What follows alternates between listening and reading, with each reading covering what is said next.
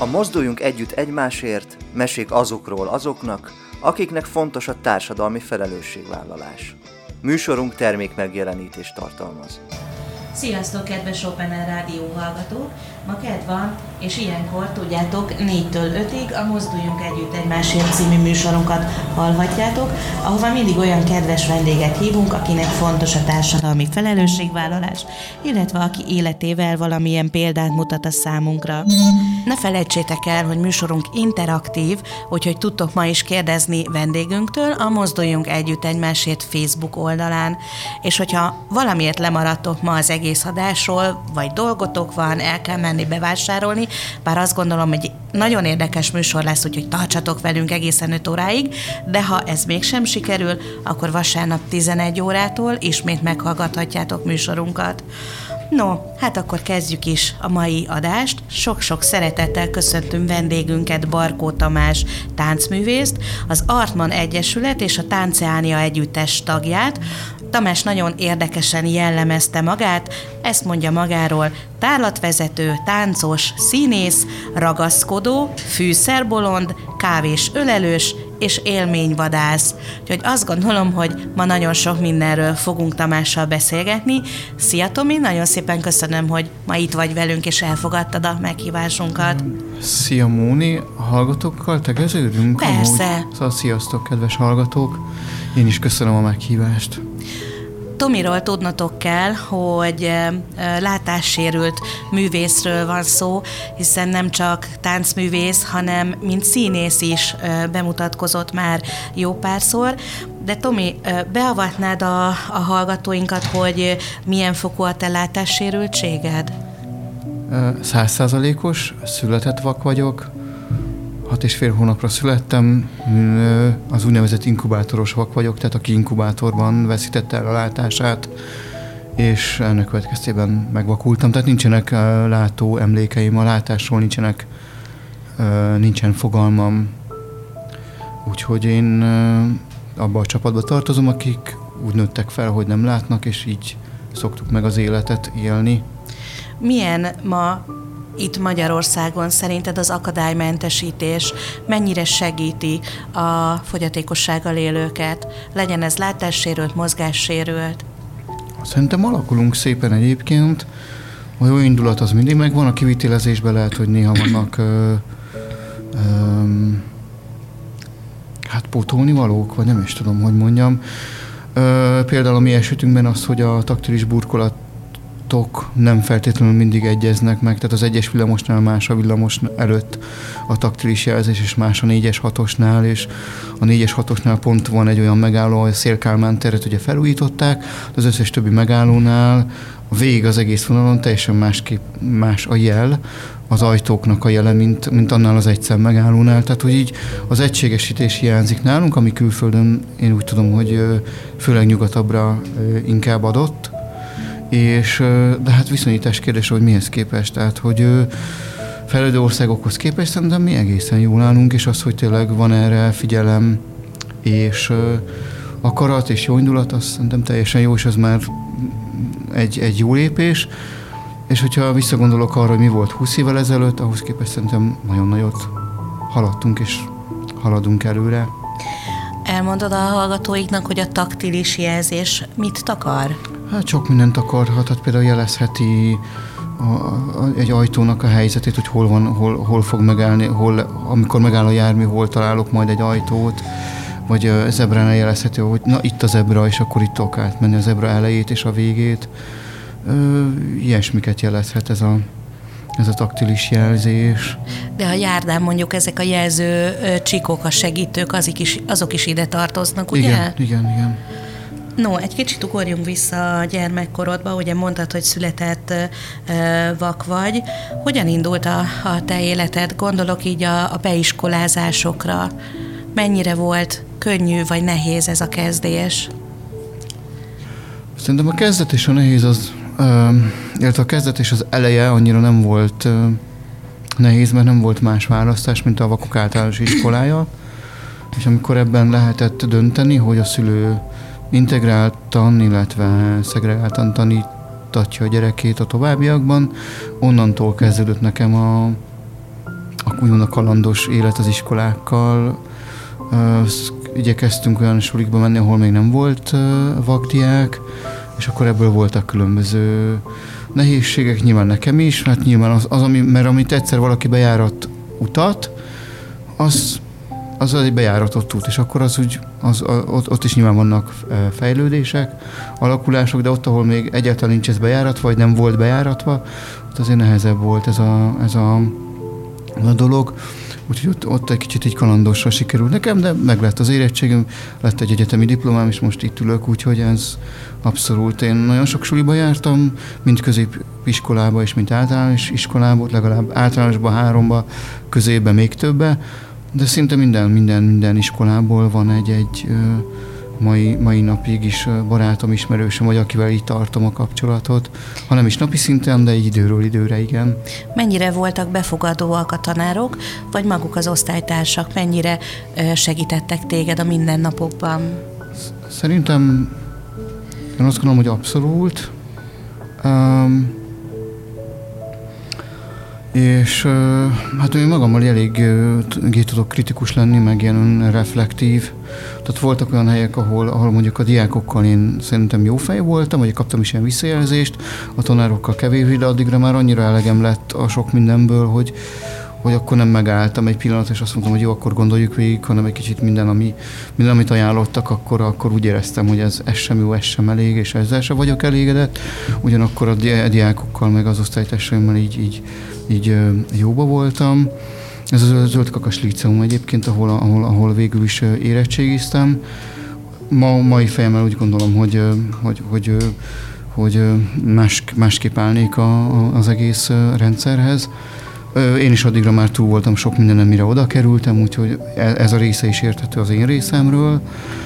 És hát nyilvánvaló, hogy ha valaki elsőként megy egy iskolába látássérültként, vakként, ott nyilvánvaló a tanároknak is, meg a, meg a diáknak is, magának is kell egy idő, hogy, hogy, hogy kölcsönösen megszokják egymást, és én mindig ezeket az utakat választottam, és az járt ezzel, amivel járt, de én azt hiszem, hogy, hogy panaszra nincs okom.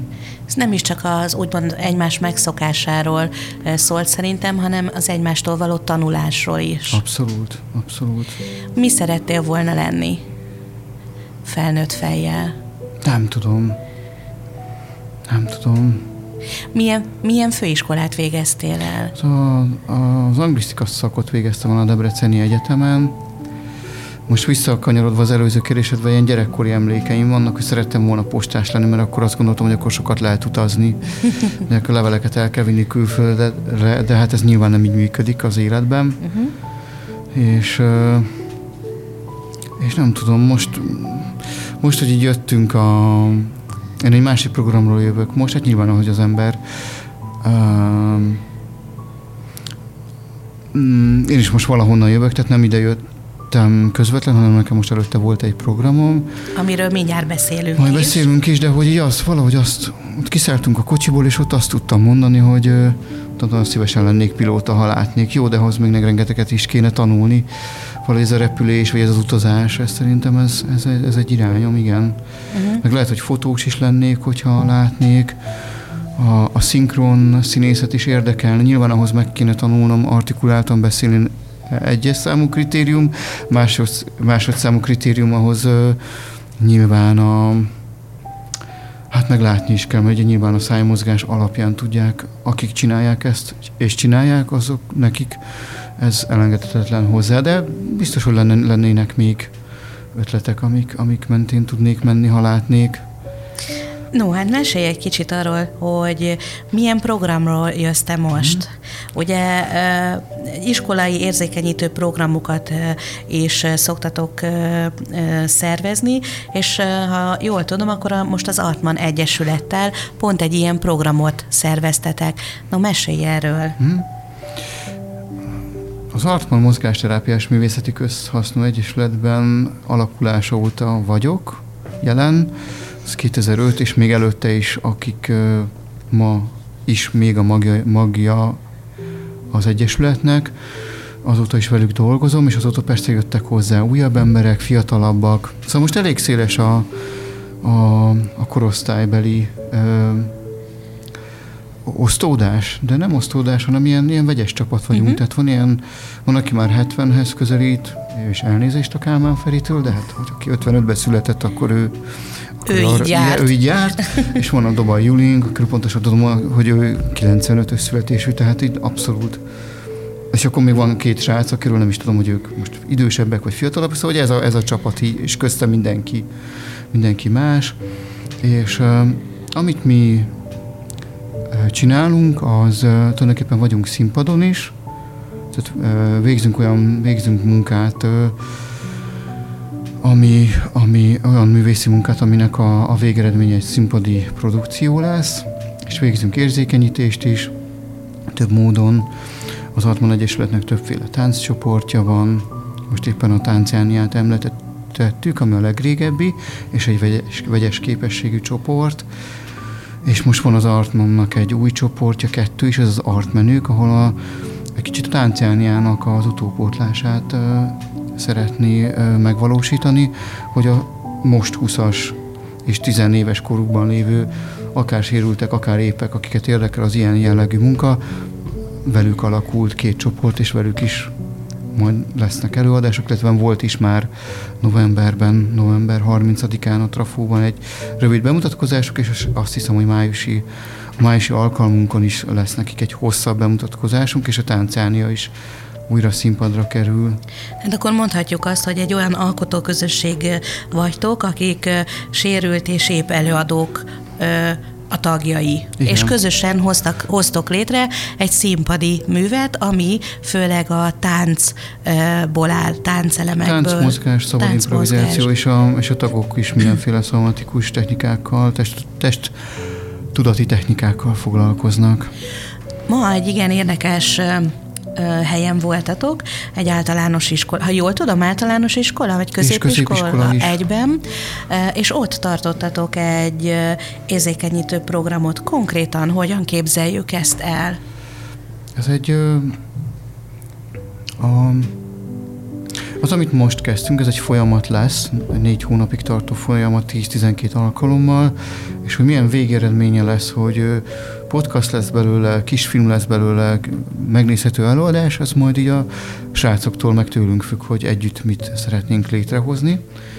Szóval ez úgy érzékenyítés, hogy ez egy 10-12 alkalomból álló folyamat, amiben én is részt veszek, mint úgynevezett participatív tanár, tehát ezen a 10 alkalmon, 12 alkalmon keresztül engem is jobban megismerhetnek, a vaksághoz is jobban közelebb kerülhetnek, nem lesz számukra annyira idegen, sőt, már most nagyon sokat kérdeztek, és nagyon, nagyon nyitottak voltak, és olyan jó azt tudni, hogy még van 11 alkalmunk, amikor még ismerkedhetünk, beszélgethetünk. Persze a mozgás a fő szempont, és a fő fókusz. És Szóval, hogy ez nem is annyira érzékenyítő, csak annyiban érzékenyítő, hogy én is benne vagyok abban uh-huh. a mhm. stábban, akik vezetik ezt a 10-12 alkalmat, és mindig kettesével fogjuk vinni. Most volt egy bemutatkozó itt, akik négyen részt veszünk, a, vagy akik a, úgymond a, a csoportvezetők vagyunk, négyen. Most mi mindannyian így kicsit bemutatkoztunk avval is, hogy mindannyian vezetünk egy kis részt ebből a fog, mai 60 perces foglalkozásból, és jövő héttől meg, illetve két hét múlvától, mert két hetente megy a foglalkozás, kett, kettesével fogjuk vezetni az alkalmakat, és attól függő, hogy, hogy haladunk, milyen tematika szerint, vagy mit hoz a csoport, közben a szerint haladunk. Milyen a visszajelzés a diákoktól, illetve a tanítóktól, akik ott vannak a gyerekekkel? Ez a mai, ez tényleg a nagyon első volt, és azt láttuk, hogy, hogy nagyon pozitív mind a tanár és mind a, a, a diák részre a, a visszajelzés, úgyhogy mi már mi is várjuk már most, hogy menjünk vissza. És a mi egyesületünk csinál olyan programot most már több éve, és idén is folytatjuk, a, amikor is egy egész napos, egy egész napot kitöltő tanítási napot kitöltő, betöltő programot viszünk a srácoknak. Ez tényleg egy úgynevezett érzékenyítő program, de ezt is úgy csináljuk, hogy ketten vezetjük, tehát van egy épp táncművész velem, és én vagyok úgy, mint participatív tanár, és akkor ennek van egy úgynevezett ilyen rezonancia alkalom, amikor visszatérünk, és elmondhatják, hogy mi történt velük a, a teljes napon, és ehhez adunk is nekik egy ilyen egy plakátot, amin mindenféle kérdéseket tudnak válaszolni, félmondatokat ki tudnak egészíteni, és akkor ez, ez egy segélet nekik is, meg nekünk is, amikor visszamegyünk, hogy az, azok mentén vissz, vissza tudunk emlékezni, vissza tudunk csatolni arra, hogy mi történt másfél-két héttel ezelőtt. Erre Bécsből hozzuk a mintát, mi már csináljuk három-négy éve, most járt le egy, egy EU-s pályázat, aminek a keretében csináljuk, tuk, Uh-huh. És most pedig folytatjuk a kedves Dorka kolléganőm beadott egy pályázatot, megkaptam, és megnyerte, és most, most tíz iskolába fogunk tudni eljutni vidékre, vagy, vagy messzibb helyekre. Tehát Jaj, de jó. Budapest környékéről kicsit kiebb, meg messzibb merészkedünk majd. Nagyon tetszik ez a plakátos visszajelzés, ha nevezhetjük uh-huh. így, hogy őszintén nyíltan a gyerekek, illetve hát akkor lehet, hogy a tanítók is elmondhatják a, a véleményüket egy-egy ilyen napról. Milyen kérdéseket tesztek fel? Milyen kérdéseket kell kiegészíteni a gyerekeknek? Az első is a, hát ami a minden bármilyen érzékenyítő programon ugye az, hogy Tomi mit hogy csinál. Tehát, hogy van egy olyan kérdés, hogy rubrika, hogy Tomitól kérdezném, és akkor alá lehet írni, ami jön. Akkor van egy olyan, hogy ami a, munka, a magáz a naphoz tartozik, hogy, hogy ilyet csinálnék még, ez volt húzós, nekem a tánc azt jelenti kettős pont, és akkor alá lehet írni, hogy moz, mozgást jelent, kifejezést, készséget, lehetőséget, ki mit gondol, ötleteim, és akkor oda is írhatnak valamit. Mit nem mondtam még? Uh-huh. És nincs így előttem a, maga ez a plakát, de valami nagyjából ilyenek, tehát az, hogy hogy ők is, mond, ők is adhassanak nekünk ötletet, ötletet amit mi a, amiket aha. mi esetleg felhasználunk, vagy hát mindenképpen hát azért csináljuk mi is ez a, ez a visszajelző plakát, az arról szól, hogy, hogy akkor mi is, mi is abból egyrészt tanulunk, meg akkor meg esetleg mi is újítunk, vagy felhasználjuk ezeket, a, a, amiket ők mondtak, írtak, gondoltak. Egy-egy ilyen óra vagy nap előtt azért azt gondolom, hogy a, a diákok biztos, diákokban biztos, hogy van egy kis uh, druk, egy kis félsz, hogy mi fog történni, kik, fog, kik jönnek ide hozzánk, de arra lennék kíváncsi, hogy bennetek mekkora ez a druk? Bennem múlik. Aha. Én, hogyha egy frontálisan kell beszélgessek, mint hogy most beszélgetünk, tehát az, hogy van egy vagyok én, meg van a közönség velem szemben, akkor nagyon-nagyon tudok izgulni a mai napig is. Ugyanakkor, hogyha ketted, ketted magammal, vagy hármad magammal, már ez is elég ahhoz, hogyha együtt csinálunk valamit, meg, meg ha legfőképpen improvizálunk, tehát nem lehet rontani, tehát nem azon, hogy egy megtanult anyagot kell visszaadjak, akkor, akkor sokkal oldottabb vagyok. Tehát ezért nem lettem mondjuk hárfás, mert elvégeztem egy, hárfá, egy hárfaszakot konzig jutottam el, és ott pont az volt a nehézségem, hogy annyira izgultam, hogy a tizede nem jött át annak, amit beletettem. Most legutóbb ezt egy, ezt egy olvasási versenyen tapasztaltam meg, hogy előttem a mikrofon, szól, szólok a hangszóróba, és a kezem így meg a papír fölött, és nem tudok haladni. Elszomorodtam, nem attól, hogy nem nyertem, hanem attól, hogy amit beletettem munkát, az nem jött vissza is. És itt is néha jelentkezik ez az iskoláknál is, hogy hogy így amikor így körbelünk így a vagy, vagy így állok szembe a csoporttal, és valami feladatot instruálok, akkor kicsit már izgulok, vagy még izgulok, de hogy ez az izgulás, ez most már kezd így egyre inkább természetessé válni, vagy, vagy az, hogy megtanulok vele együtt élni, hogy igen, én ilyen vagyok, mondják ki a kollégáim, hogy, hogy, hogy avval, hogy egyre többet csináljuk, és mondjuk most szeptember és december között 20 kettő Ó. suliba jutottunk, ez olyan 20 valami, de ha 21 is jó szám. Mm. És, és, és azt mondják, meg én is azt, azt tapasztalom, hogy így fejlődök. Most is izgulok, egy kicsit jár a kezem, lábam. Á, ilyen ez. Akkor azt mondhatjuk, hogy ez a sok-sok érzékenyítő foglalkozás vagy program, ez egy terápia számodra is. is persze, mert egyre jobb vagy, persze, egyre, persze. egyre inkább el tudod engedni Határokat, ezt az kereteket tartani. Most az, hogy én vagyok a főnök, nekem ez tök nehéz volt például az elején, meg, meg talán most is. Hogy én vagyok itt a főnök, én mondom meg itt, hogy most mit csinálunk, jé, de már.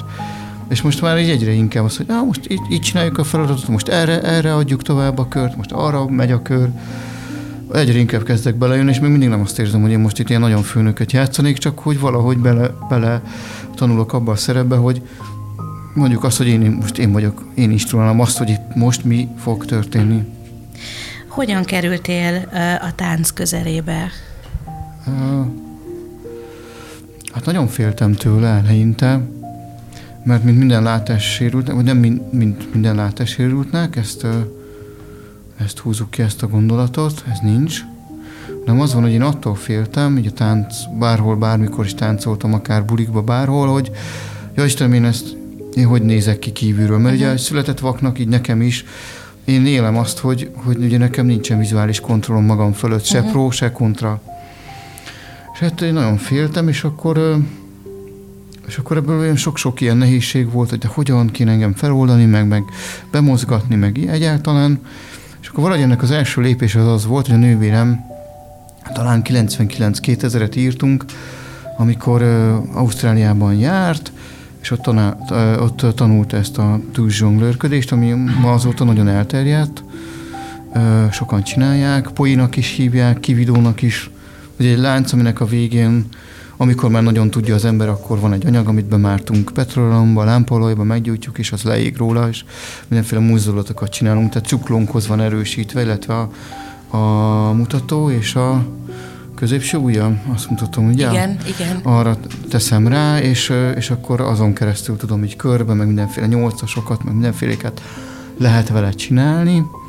És akkor talán ez volt az első lépés, és akkor és akkor én az Artmannal meg úgy kerültem kapcsolatba, akkor még nem volt Artman, hogy a Bóta Ildikó, aki egyébként a táncjányának a, ez egy, a táncegyüttesnek az alapítója, ő csinált egy, egy csoportot a vakok iskolájában, egy ilyen szabadmozgásos imprós csoportot, és egy vaklány fölhívott, hogy, hogy hát ha már tüzezek, akkor csináljak valamit, ami kontakttánc, de kiderült, hogy amit az Ildikó csinál, az nem kontakttánc, hanem mozgás és táncterápiás csoport, ami használ kontakttánc és improvizációs elemeket, és, de mindegy, szóval én elkezdtem így, így, így az Ildikóval dolgozni, meg a kis csop, az akkori csoporttal, és én azóta így vagyok ebben a keringésben, és hát ebből a csoportból, és a, és, és a tehát akkor ez a vakcsoport az úgy ment egy darabig, aztán úgy szétszélettünk.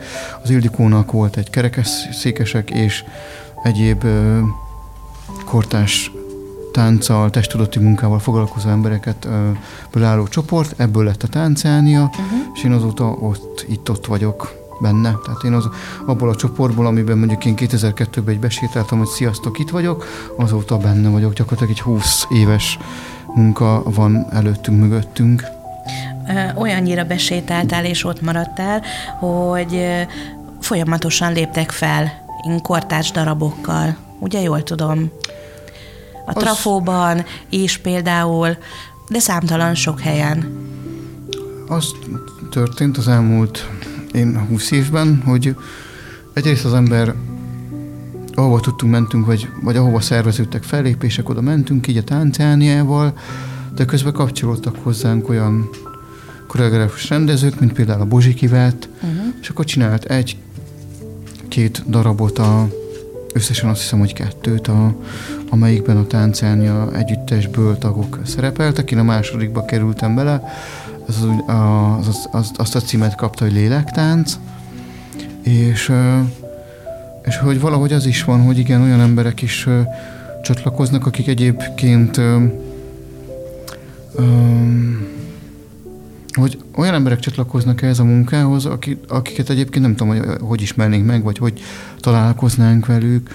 A Paja, Paja Bea is dolgozott velünk, Szalóki Ági, és biztos, hogy ki fog hagyni embereket, mert, mert miért ne hagynék ki, mert tényleg olyan sokan. Rubik Ernő, a, a, a, a zenész, uh-huh. a Rubik Ernő is, és, melyik, és volt a, sokan... melyik volt a legemlékezetesebb fellépés? Hát nekem a leggrandiózusabb az,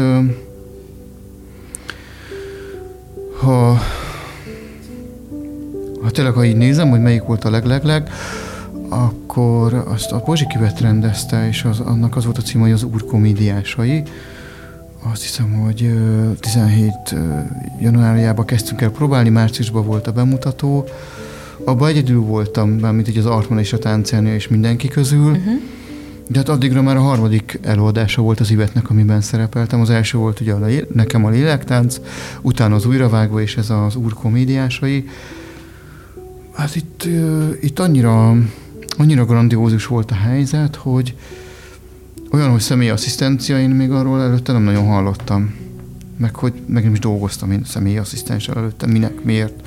Itt viszont, mivel akkora volt a színpad, és olyan, olyan volumenű volt az előadás, ugye itt a nagy színpadon, a Nemzeti Színházban kockákra van felosztva a színpad, és le, tehát lehet változtatni a színpadnak a formáját, hogy milyen legyen, hogy akkor akár ilyen nagy szakadékok, árkok is lehetnek, uh-huh. ugye föl lehet emelni ezeket a kockákat, le lehet sülyezteni, tehát akár ilyen mozi nézőteret is lehetett belőle pikpak csinálni, mert ugye ahogy ezeket az elemeket lehet mozgatni, és oda bizony nekem kellett személyi segítő, és az akkori lakótársam elvállalta, és bizony úgy tudtam az előadást csinálni, hogy jót volt velem minden egyes előadáson, és mikor, akkor volt, hogy alaksorba kellett menni, és akkor ilyen csörlők mellett, amik húzzák föl a, nem tudom, a, a valami, egy, egy ráálltunk egy ilyen palóra, és az így, föl, az így fölemelkedett velünk, és fölkerültünk a színpad fölé is még, és, és vigyázni kellett, hogy a csörlőhöz ne érjünk hozzá, mert olajosak leszünk, szóval olyan technika és aparát volt, hogy, hogy, hogy, hogy hogy, hogy ott tényleg kellett egy, egy személyi megsegítés. Milyen volt, milyen érzés volt először a Nemzeti Színház színpadán állni? Mennyire remegett a lábad? Ott is bennem volt ez a, az izgulás, és, és, és ott volt egy, olyan, volt egy hosszabb szövegem, és ott azt csináltuk, hogy mert általában, ha izgulok, ez a hárfalán is így volt, hogyha javítottam, vagy rontottam, akkor gyorsan kijavítottam. És ez nem az volt, hogy tovább léptem, mert hogy tudod, hogyha hibázol és tovább lépsz, azt max te tudod. Uh-huh. A többi nem vesz észre, de hogyha hibázol és oda-vissza, visszakanyarodsz ugyanoda, és azt a részt újra mondod, az a mondat, vagy, vagy sor, vagy bármi, akkor azt mindenki észreveszi, és hála Istennek egyszer se kellett a, a konzerv felvételt elővenni, mert hál' Istennek valamiért ezt sikerült meglépnem, hogy, hogy, hogy, hogy, hogy, hogy nem volt rá szükség, de hát nyilván izgultam, mikroport volt rajtam, és hát nagyon-nagyon kedves, igen, igen neves, és nem, és nem a nevük számít, tudod, hanem az, hogy, hogy olyan jó, olyan jó kis csapat volt. Hát volt, mert még mindenki van valamerre, csak hát nyilván valaki azóta már a Kics Bakos Gábor például a Győri Nemzeti Színházban igazgató, szóval, hogy most már azóta, nem, most már nem is nagyon lehetne ezt a csapatot összehozni, de Nagy Kálózi Eszterrel voltam, Tompos Kátyával, ezt a darabot És hányszor adtátok elő? 10-15 mm. szerintem. Mielőtt elmegyünk zenélni pillanatokon belül, még jött egy hallgatói kérdés. Afelől érdeklődik a hallgatók, hogy milyen útravalót kaptál te a, a szülői házból?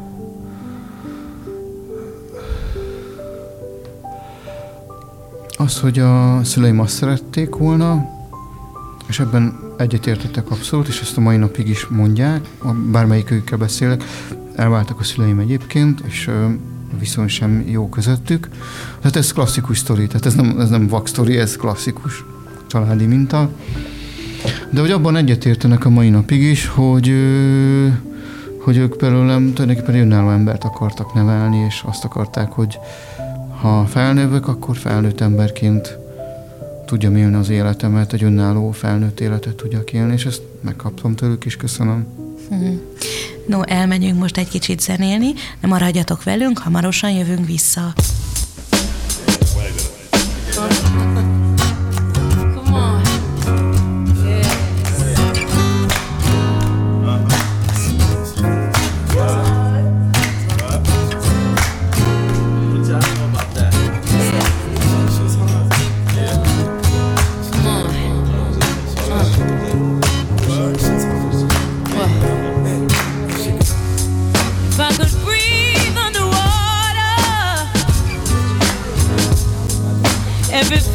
walk on land.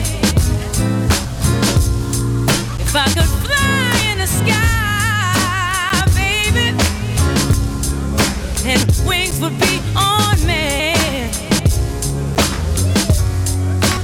Words could move mountains. If I could spin the ocean without drowning, if there was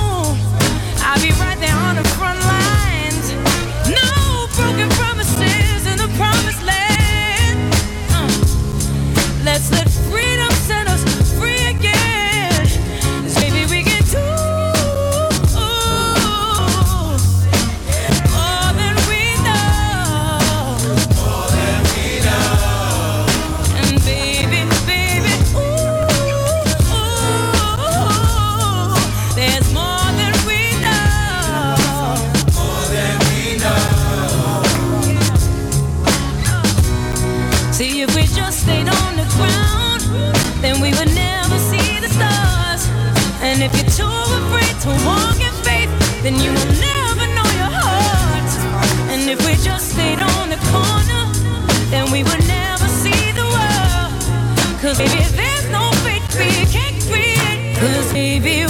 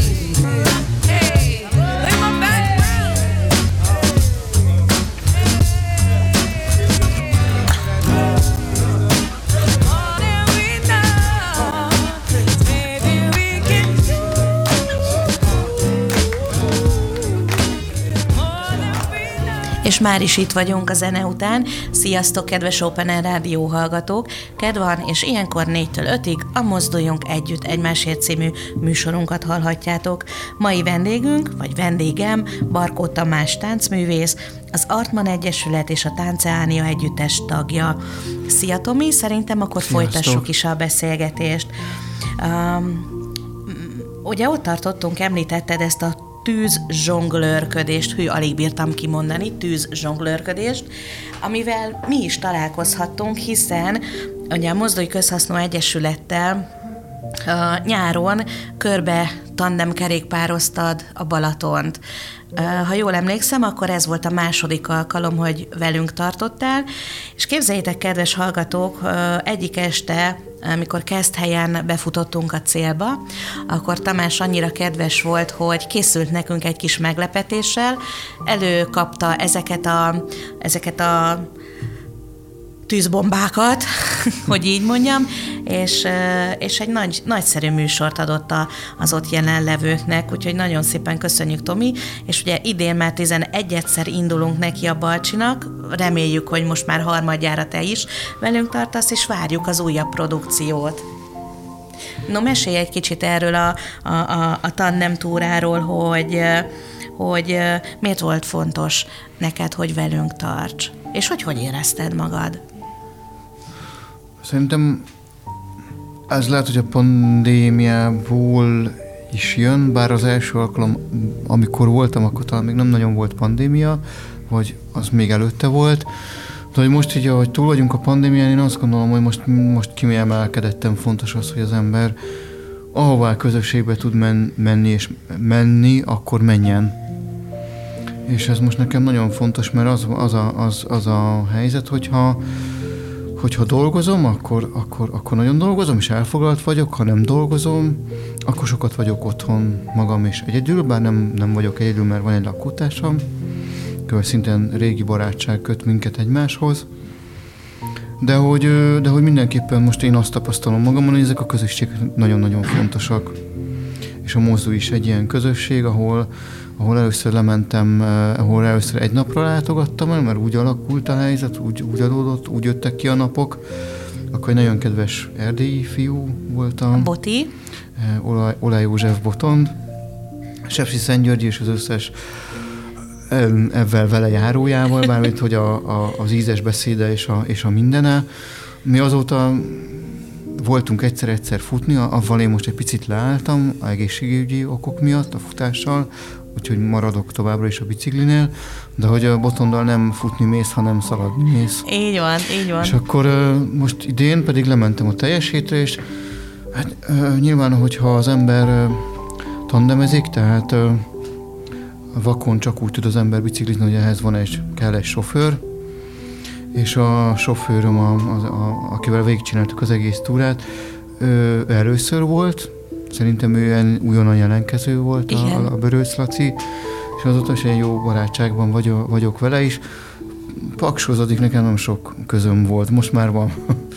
van. És ugye, ugye kiderül, ugye a fej, fej, Fejdül Dóriék is, tehát hogy így nekem nagyon érdekes, hogy ezt a várost, ezt így behozta, ezt konkrétan ezt a várost és ezt a környéket behozta ez a túra.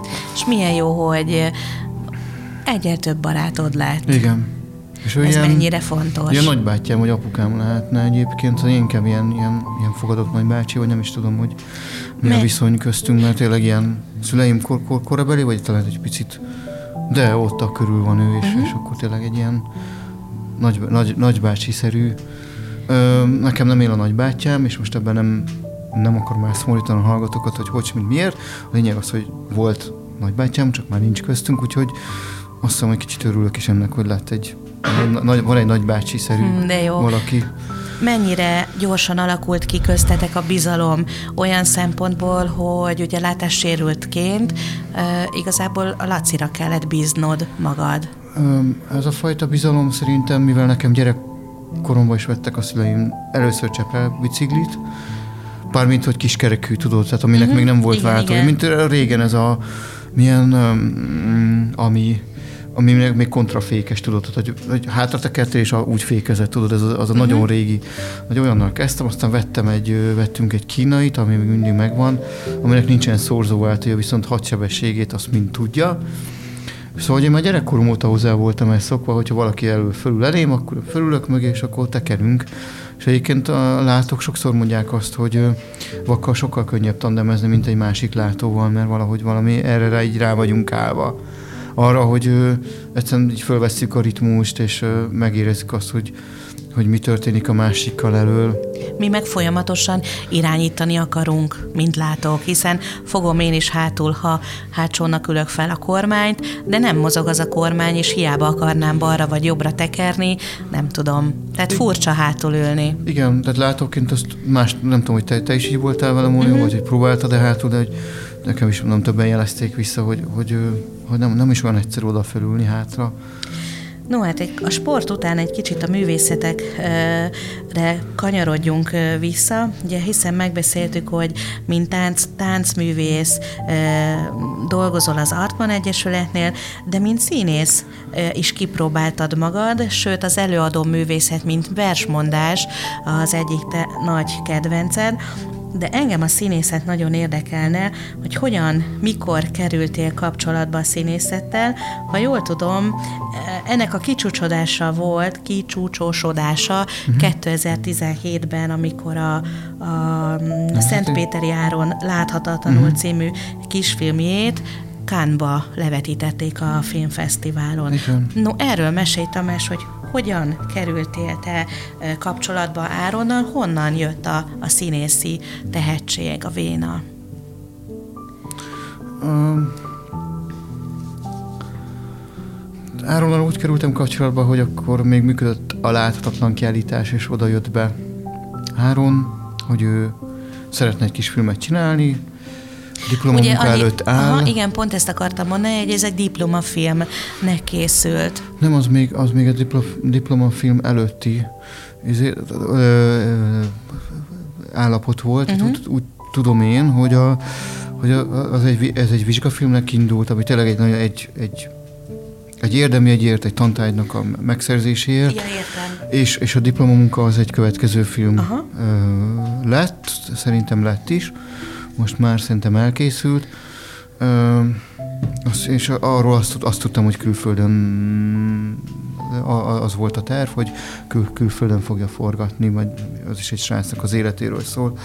Az a mi kis filmünk igazából a, a, abból, abból állt össze, hogy mi nagyon sokat beszélgettünk, az én így, az életemről, amik velem megtörténtek, kapcsolódásokról, akár ilyen férfi-női viszonyok, vagy hogy ezek hogy vannak. És akkor ezekről így beszélgettünk sokat, meg minden másról, és akkor neki is voltak élményei a láthatatlan kiállításról, nekem is, mint tárlatvezetőnek, és ebből a kettőből, meg sok mindenből csináltunk egy olyan filmet, ami egy két-két emberi kapcsolódást mutat be, és azokon keresztül a, tehát a láthatatlan dolgokat próbálja megmutatni, amik egyébként azáltal, hogy láthatatlanok, valahogy láthatóvá válnak. Uh-huh. És erről, erről szólt ez a kisfilm, és mi nem is, én legalábbis nem is gondoltam arra, hogy ez valahol egy ilyen nagy fórumon meg fog jelenni, és az Áron jó fegyelmezett ember, jól tud titkot tartani, bemutattuk a friss húson, és akkor egyszer csak fölhívott, hogy hát van egy híre, és hát hogy ez, és mondja, Jézus Mária, tehát ne. De hogy nem akartam még elmondani, hogy ne úgy nézzem meg a filmet, mint ami Kámba megy, és hogy, hogy ő tényleg nagyon okos volt ebben, és nagyon fegyelmezett, hogy, hogy, hogy megvárta kellő időt ahhoz, uh-huh. hogy elmondhassa, hogy igen, Tomi, most ez fog következni, és, és nagyon nagy élménnyel jöttünk. Az ott a nővérem volt a személyi segítőm, ha úgy mondjuk, vagy a kísérőm. Ugye jó Mert ott kértünk, tehát ott azt mondtam, hogy az az, az a helyzet, ami igenis legyen velem egy kísérő. Bizony. Vannak helyzetek, így van, ahol szükség lehet erre, és most itt szükség volt, és így mind a kettőnknek egy, szerintem egy élethez szóló élmény. Ugye ez a film egy vakfiú és egy látólány megismerkedésének a történetét meséli el Igen. 30 percben. Igen, és ezzel párhuzamosan meg, meg van, egy, van egy pár, akik meg akik szintén az ő kapcsolatokat mutatja még, akik egyébként meg látnak. Tehát, tehát hogy van egy, van egy pár, akik, akik látnak, ők, ők, ők egy pár, és a, és a vakfiúhoz egyébként meg tartozik egy lakótárs, aki szintén vak, és hogy ők is hogyan kapcsolódnak. Szóval hogy ez a, az a pár ember így hogyan, ez a pár szál hogyan kapcsolódik össze, és mégis hogyan, mennyi, mennyiben látják másképp a dolgot, hogy mégis ugyanarról a témáról legyen szó. Tehát mondjuk a két vak lakótárs ugyanarról a jelenetről, vagy szituációról mit gondol egy, egy informatikai vénával megállott ö, gyógyvárjáron, és mit, mit, mit mond ugyanarról a gondolatról egy, egy, egy kinyí, kinyújtott lábú, lábon egy cipőről, mit gondol Barkó Tamás, aki egy kicsit ilyen művész szibalkat, meg, meg kicsit talán lehet, hogy ilyen elvontabb, vagy nem is mindig lehet követni a kis gondolatai, de hogy vannak, és, és, hogy, és, hogy, és hogy annyira komplex ez a kis film, hogy, hogy, hogy bemutat minket is, mint vak lakótársakat, és bemutat egy, egy párt, ami, ami nem akar működni, akar működni, de mégse, és akkor ennek a, tényleg a láthatatlan viszonyai kerülnek, lá, lesznek láthatóvá. Mennyi ideig tartott a forgatás? Öm, nem is tudom, nem is tudom. Az maga a forgatás az egy olyan egy hét volt, az nagyon intenzív része, és akkor voltak ilyen plusz forgatónapok, amikor újra vettünk jelenetet, voltunk olyat, amit, volt olyan, amit nem is, hogy újra vettünk, hanem, hanem hogy először vettünk fel, mert még nem, akkor az egy hétben nem tudott megtörténni. Úgyhogy ö, volt vele szerintem munka, így szerintem mi a májusban kezdtünk el az Áronnal úgy beszélgetni, dolgozni így a forgatás előtt, Ugye augusztus, szeptember, szeptemberben forgattunk, mm, akkor még október, november, és valahogy ott, én szerintem a december környékén volt a friss hús bemutató, tehát az azért itt eltelt egy pár hónap. Szerencsére volt is, kellett is az idő nekünk. És aztán mentetek Kámba a filmfesztivál, igen, igen. filmfesztiválra, uh, ahol sikere volt a filmeteknek.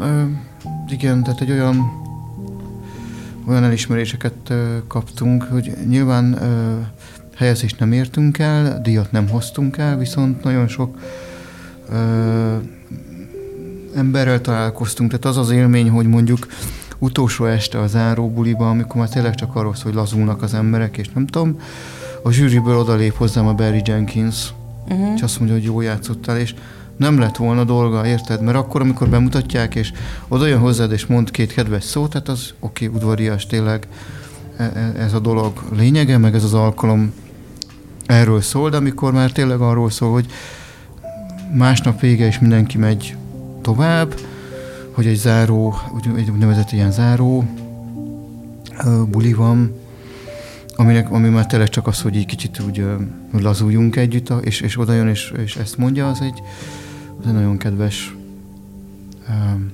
Gesztus. gesztus. Mhm.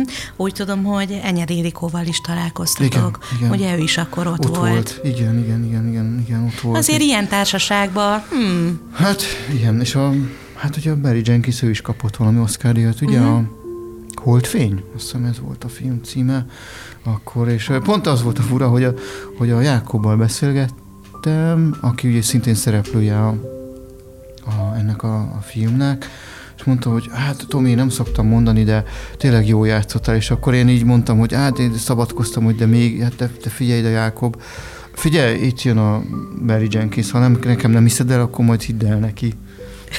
Szóval volt egy ilyen, és tényleg eszméletlen, eszméletlen, hogy ott vagy, és hát ugyanúgy emberek élnek ott, meg fülük van, meg két kezük, meg két lábuk, meg, meg orruk, de um, én, ugye sokan kérdezték, hogy megváltoztam-e ettől, és azt, én azt gondolom, hogy nem. uh-huh. Bármint, hogy nem lett, nem lett nagyobb az órom, és nem, nem ve- verem, verem vele az eget, vagy nem tudom, tehát nem lettem nagyképű, vagy nem, nem, nem változtatott rajtam az olyat, hogy... a hogy siker. Igen. Egyébként nagyon érdekesen kezdődik a, a Láthatatlanul című ö, kisfilm, mert hogy az első jelenet, ahogy elindul, ö, percekig fekete, percekig sötét Igen. a kép, hiszen ö, a te saját tárlatvezetői munkádat játszod el, és pont Igen. a kiállításon Igen. vagytok. Igen, igen, igen, igen, olyan egy ilyen, vagy egy ilyen hasonlószerű, ugye nyilván a kiállításon nem lehettünk, mert hiszen az akkor még élt, és ez egy működő, működő intézmény volt, vagy cég, még most is az csak helyet keres, hanem, hanem egy, egy olyan hasonló intézmény, vagy, vagy, vagy hasonló létesítményben, mint a láthatatlan kiállítás. Nyilván a nevem is más lett ott, hogy Balázs. Egyébként azt a nevet az unokölcsémtől vettem, nekem van egy, van egy tíz évvel fiatalabb unokölcsém, aki, aki anyai részről van, és ő, ő, őt hívják Balázsnak, és valahogy én akartam ezt a nevet uh-huh. egy kicsit. belevinni a filmbe. Igen. És aztán e, igazából a, a siker az nem váratott sokáig, az úgymond még nagyobb siker, hiszen egy év múlva 1900, 1900 bocsánat, 2018-ban, én is kicsit elkalandoztam, 2018-ban e, Tel Avivban e, mutattátok be, ahol a Nemzetközi Diákfilmfesztivál fődíját is elnyerte ez a film. Ez, ez, az a díj, vagy az a helyzet, amikor uh, utaztunk mi a filmmel, és még lett is volna, még Belgiumba is mehettünk volna, csak azt már én nem tudtam vállalni az Artman munkák miatt, hogy például hogy Tel Avivba, hogy, hogy irigyeltem a filmet, hogy a film megy, én meg itt vagyok. Mhm. Uh-huh. De ami késik nem múlik, hát hogyha, hogyha egyszer eljutok Tel Avivba, egy nem tudom... És ha igen? már, ha már a díjakról beszéltünk, azért ne feledkezzünk el arról, hogy neked is van egy díjad, méghozzá az Arany Harang díj, amit 2016-ban ö, Igen. kaptál meg. Elmondod a hallgatóknak, hogy ezt mi, mi ez a díj? Ez, ennek volt egy elődje, 2005-ös ö, aranyharangdíj és a 2016-os aranyharang nívódíj. Ezt vakművészek kapják, akik valamiféle művészettel foglalkoznak, és valami, ahogy te is mondtad, valamiféle példát mutatnak az életükkel. És akkor én a Kárászi Szilviának akkor elmeséltem, hogy úgy fölhívott, hogy, hogy menjek el erre a rendezvényre, mert akkor még a fejében az volt, hogy valaki más kapja. Ugye És- ennek az Arany Harang díjnak a, a megálmodója Kárászi Szilvia művésznő. Igen.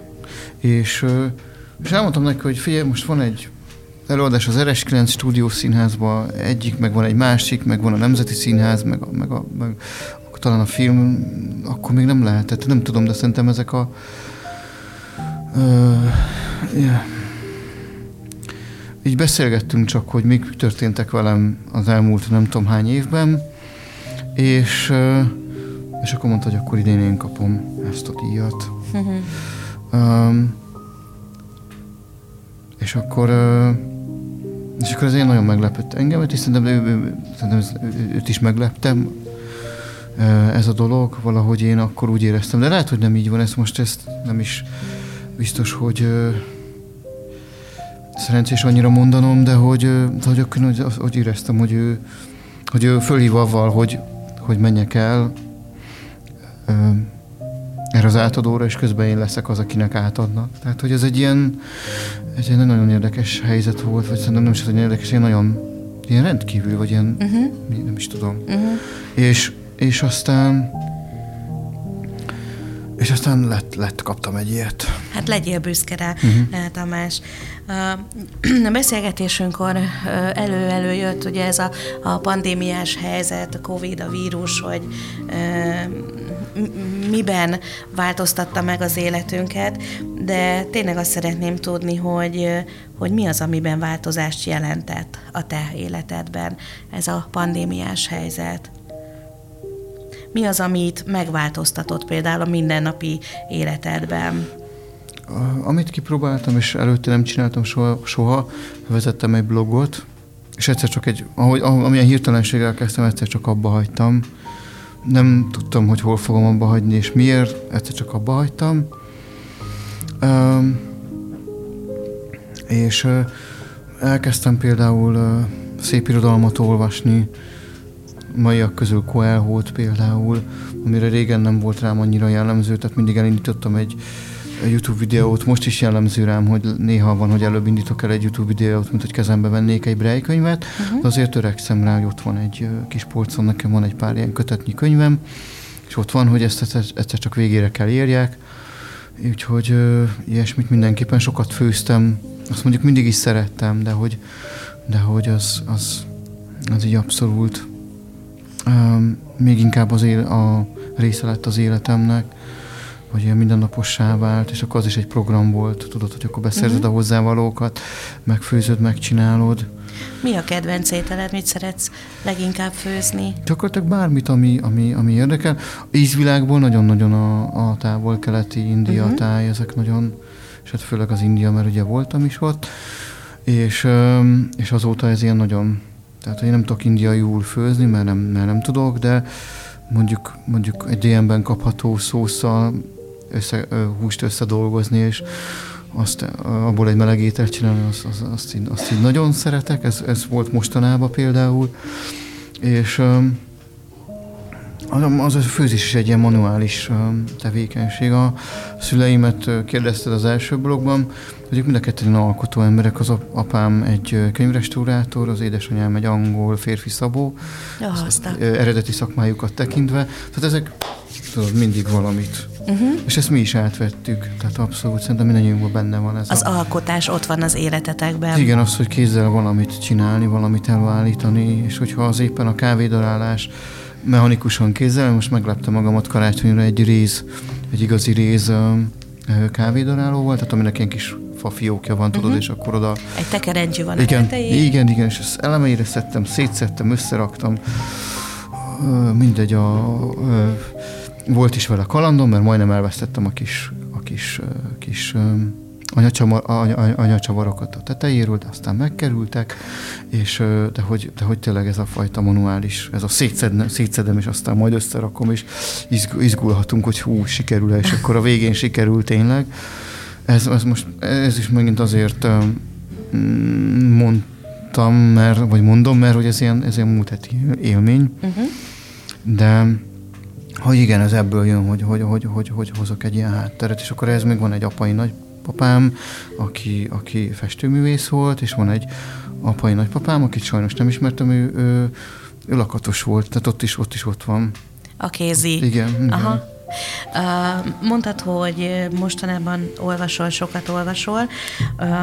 A beírással készült könyveket, vagy pedig ilyen felolvasó programmal? Minden, tehát használok felolvasó programot, akár a számítógépnek a képernyő felolvasó programját, vagy a telefonét, illetve akár a Vakok Szövetsége által kiadott hangos könyveket, vagy a, vagy a Youtube-on található, vagy bárhol található hangos könyvek, könyveket, úgyhogy mindent, mindent próbálok, minden, minden evő vagyok. Mennyire jellemző az, hogy a mai fiatalok, akár te is, Tamás, uh, még tudnak, vagy érdekli őket a bráírás, és megtanulják? Ö, Írni, olvasni. Ez változó a, a vélemény, meg változó a hozzáállás.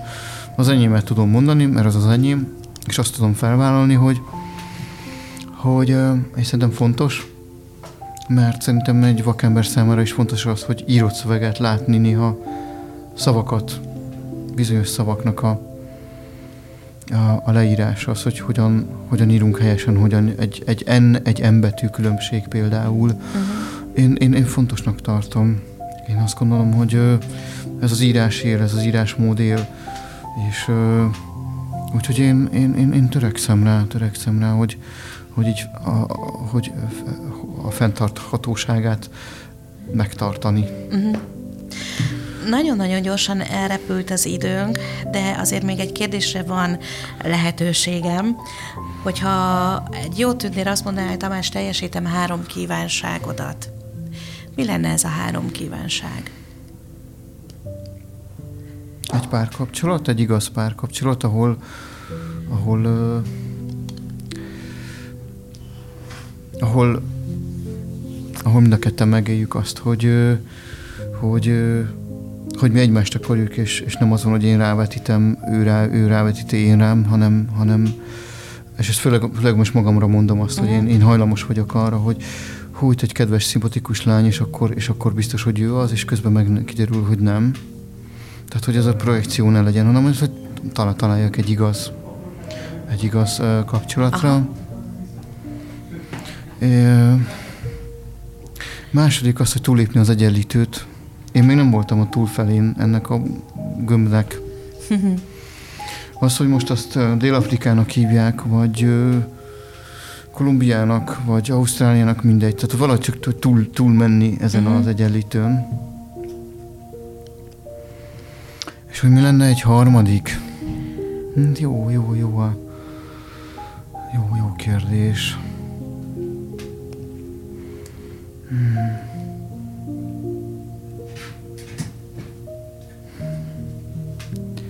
Hát most elakadtam egy kicsit. elakadtam, elakadtam. Akkor adunk ennek a jó tündérnek időt, úgyhogy szerintem majd még teljesíti. Vagy megtanulni az indiai konyhát. Az, No az jó. tessék, akkor legyen, Jó, ez, legyen a, ez egy- legyen legyen ez egy a ilyen. harmadik. Igen. Köszönöm szépen, Tamás, hogy ma itt voltál eh, Én is velem, köszönöm. és megosztottad a gondolataidat a hallgatóinkkal. Ne felejtsétek el, hogy jövő héten kedden ismét várunk benneteket, akkor már műsorvezető társammal, Táros Mariannával együtt. Mindenkinek eh, kellemes napot kívánok, és találkozunk jövő héten kedden. Sziasztok!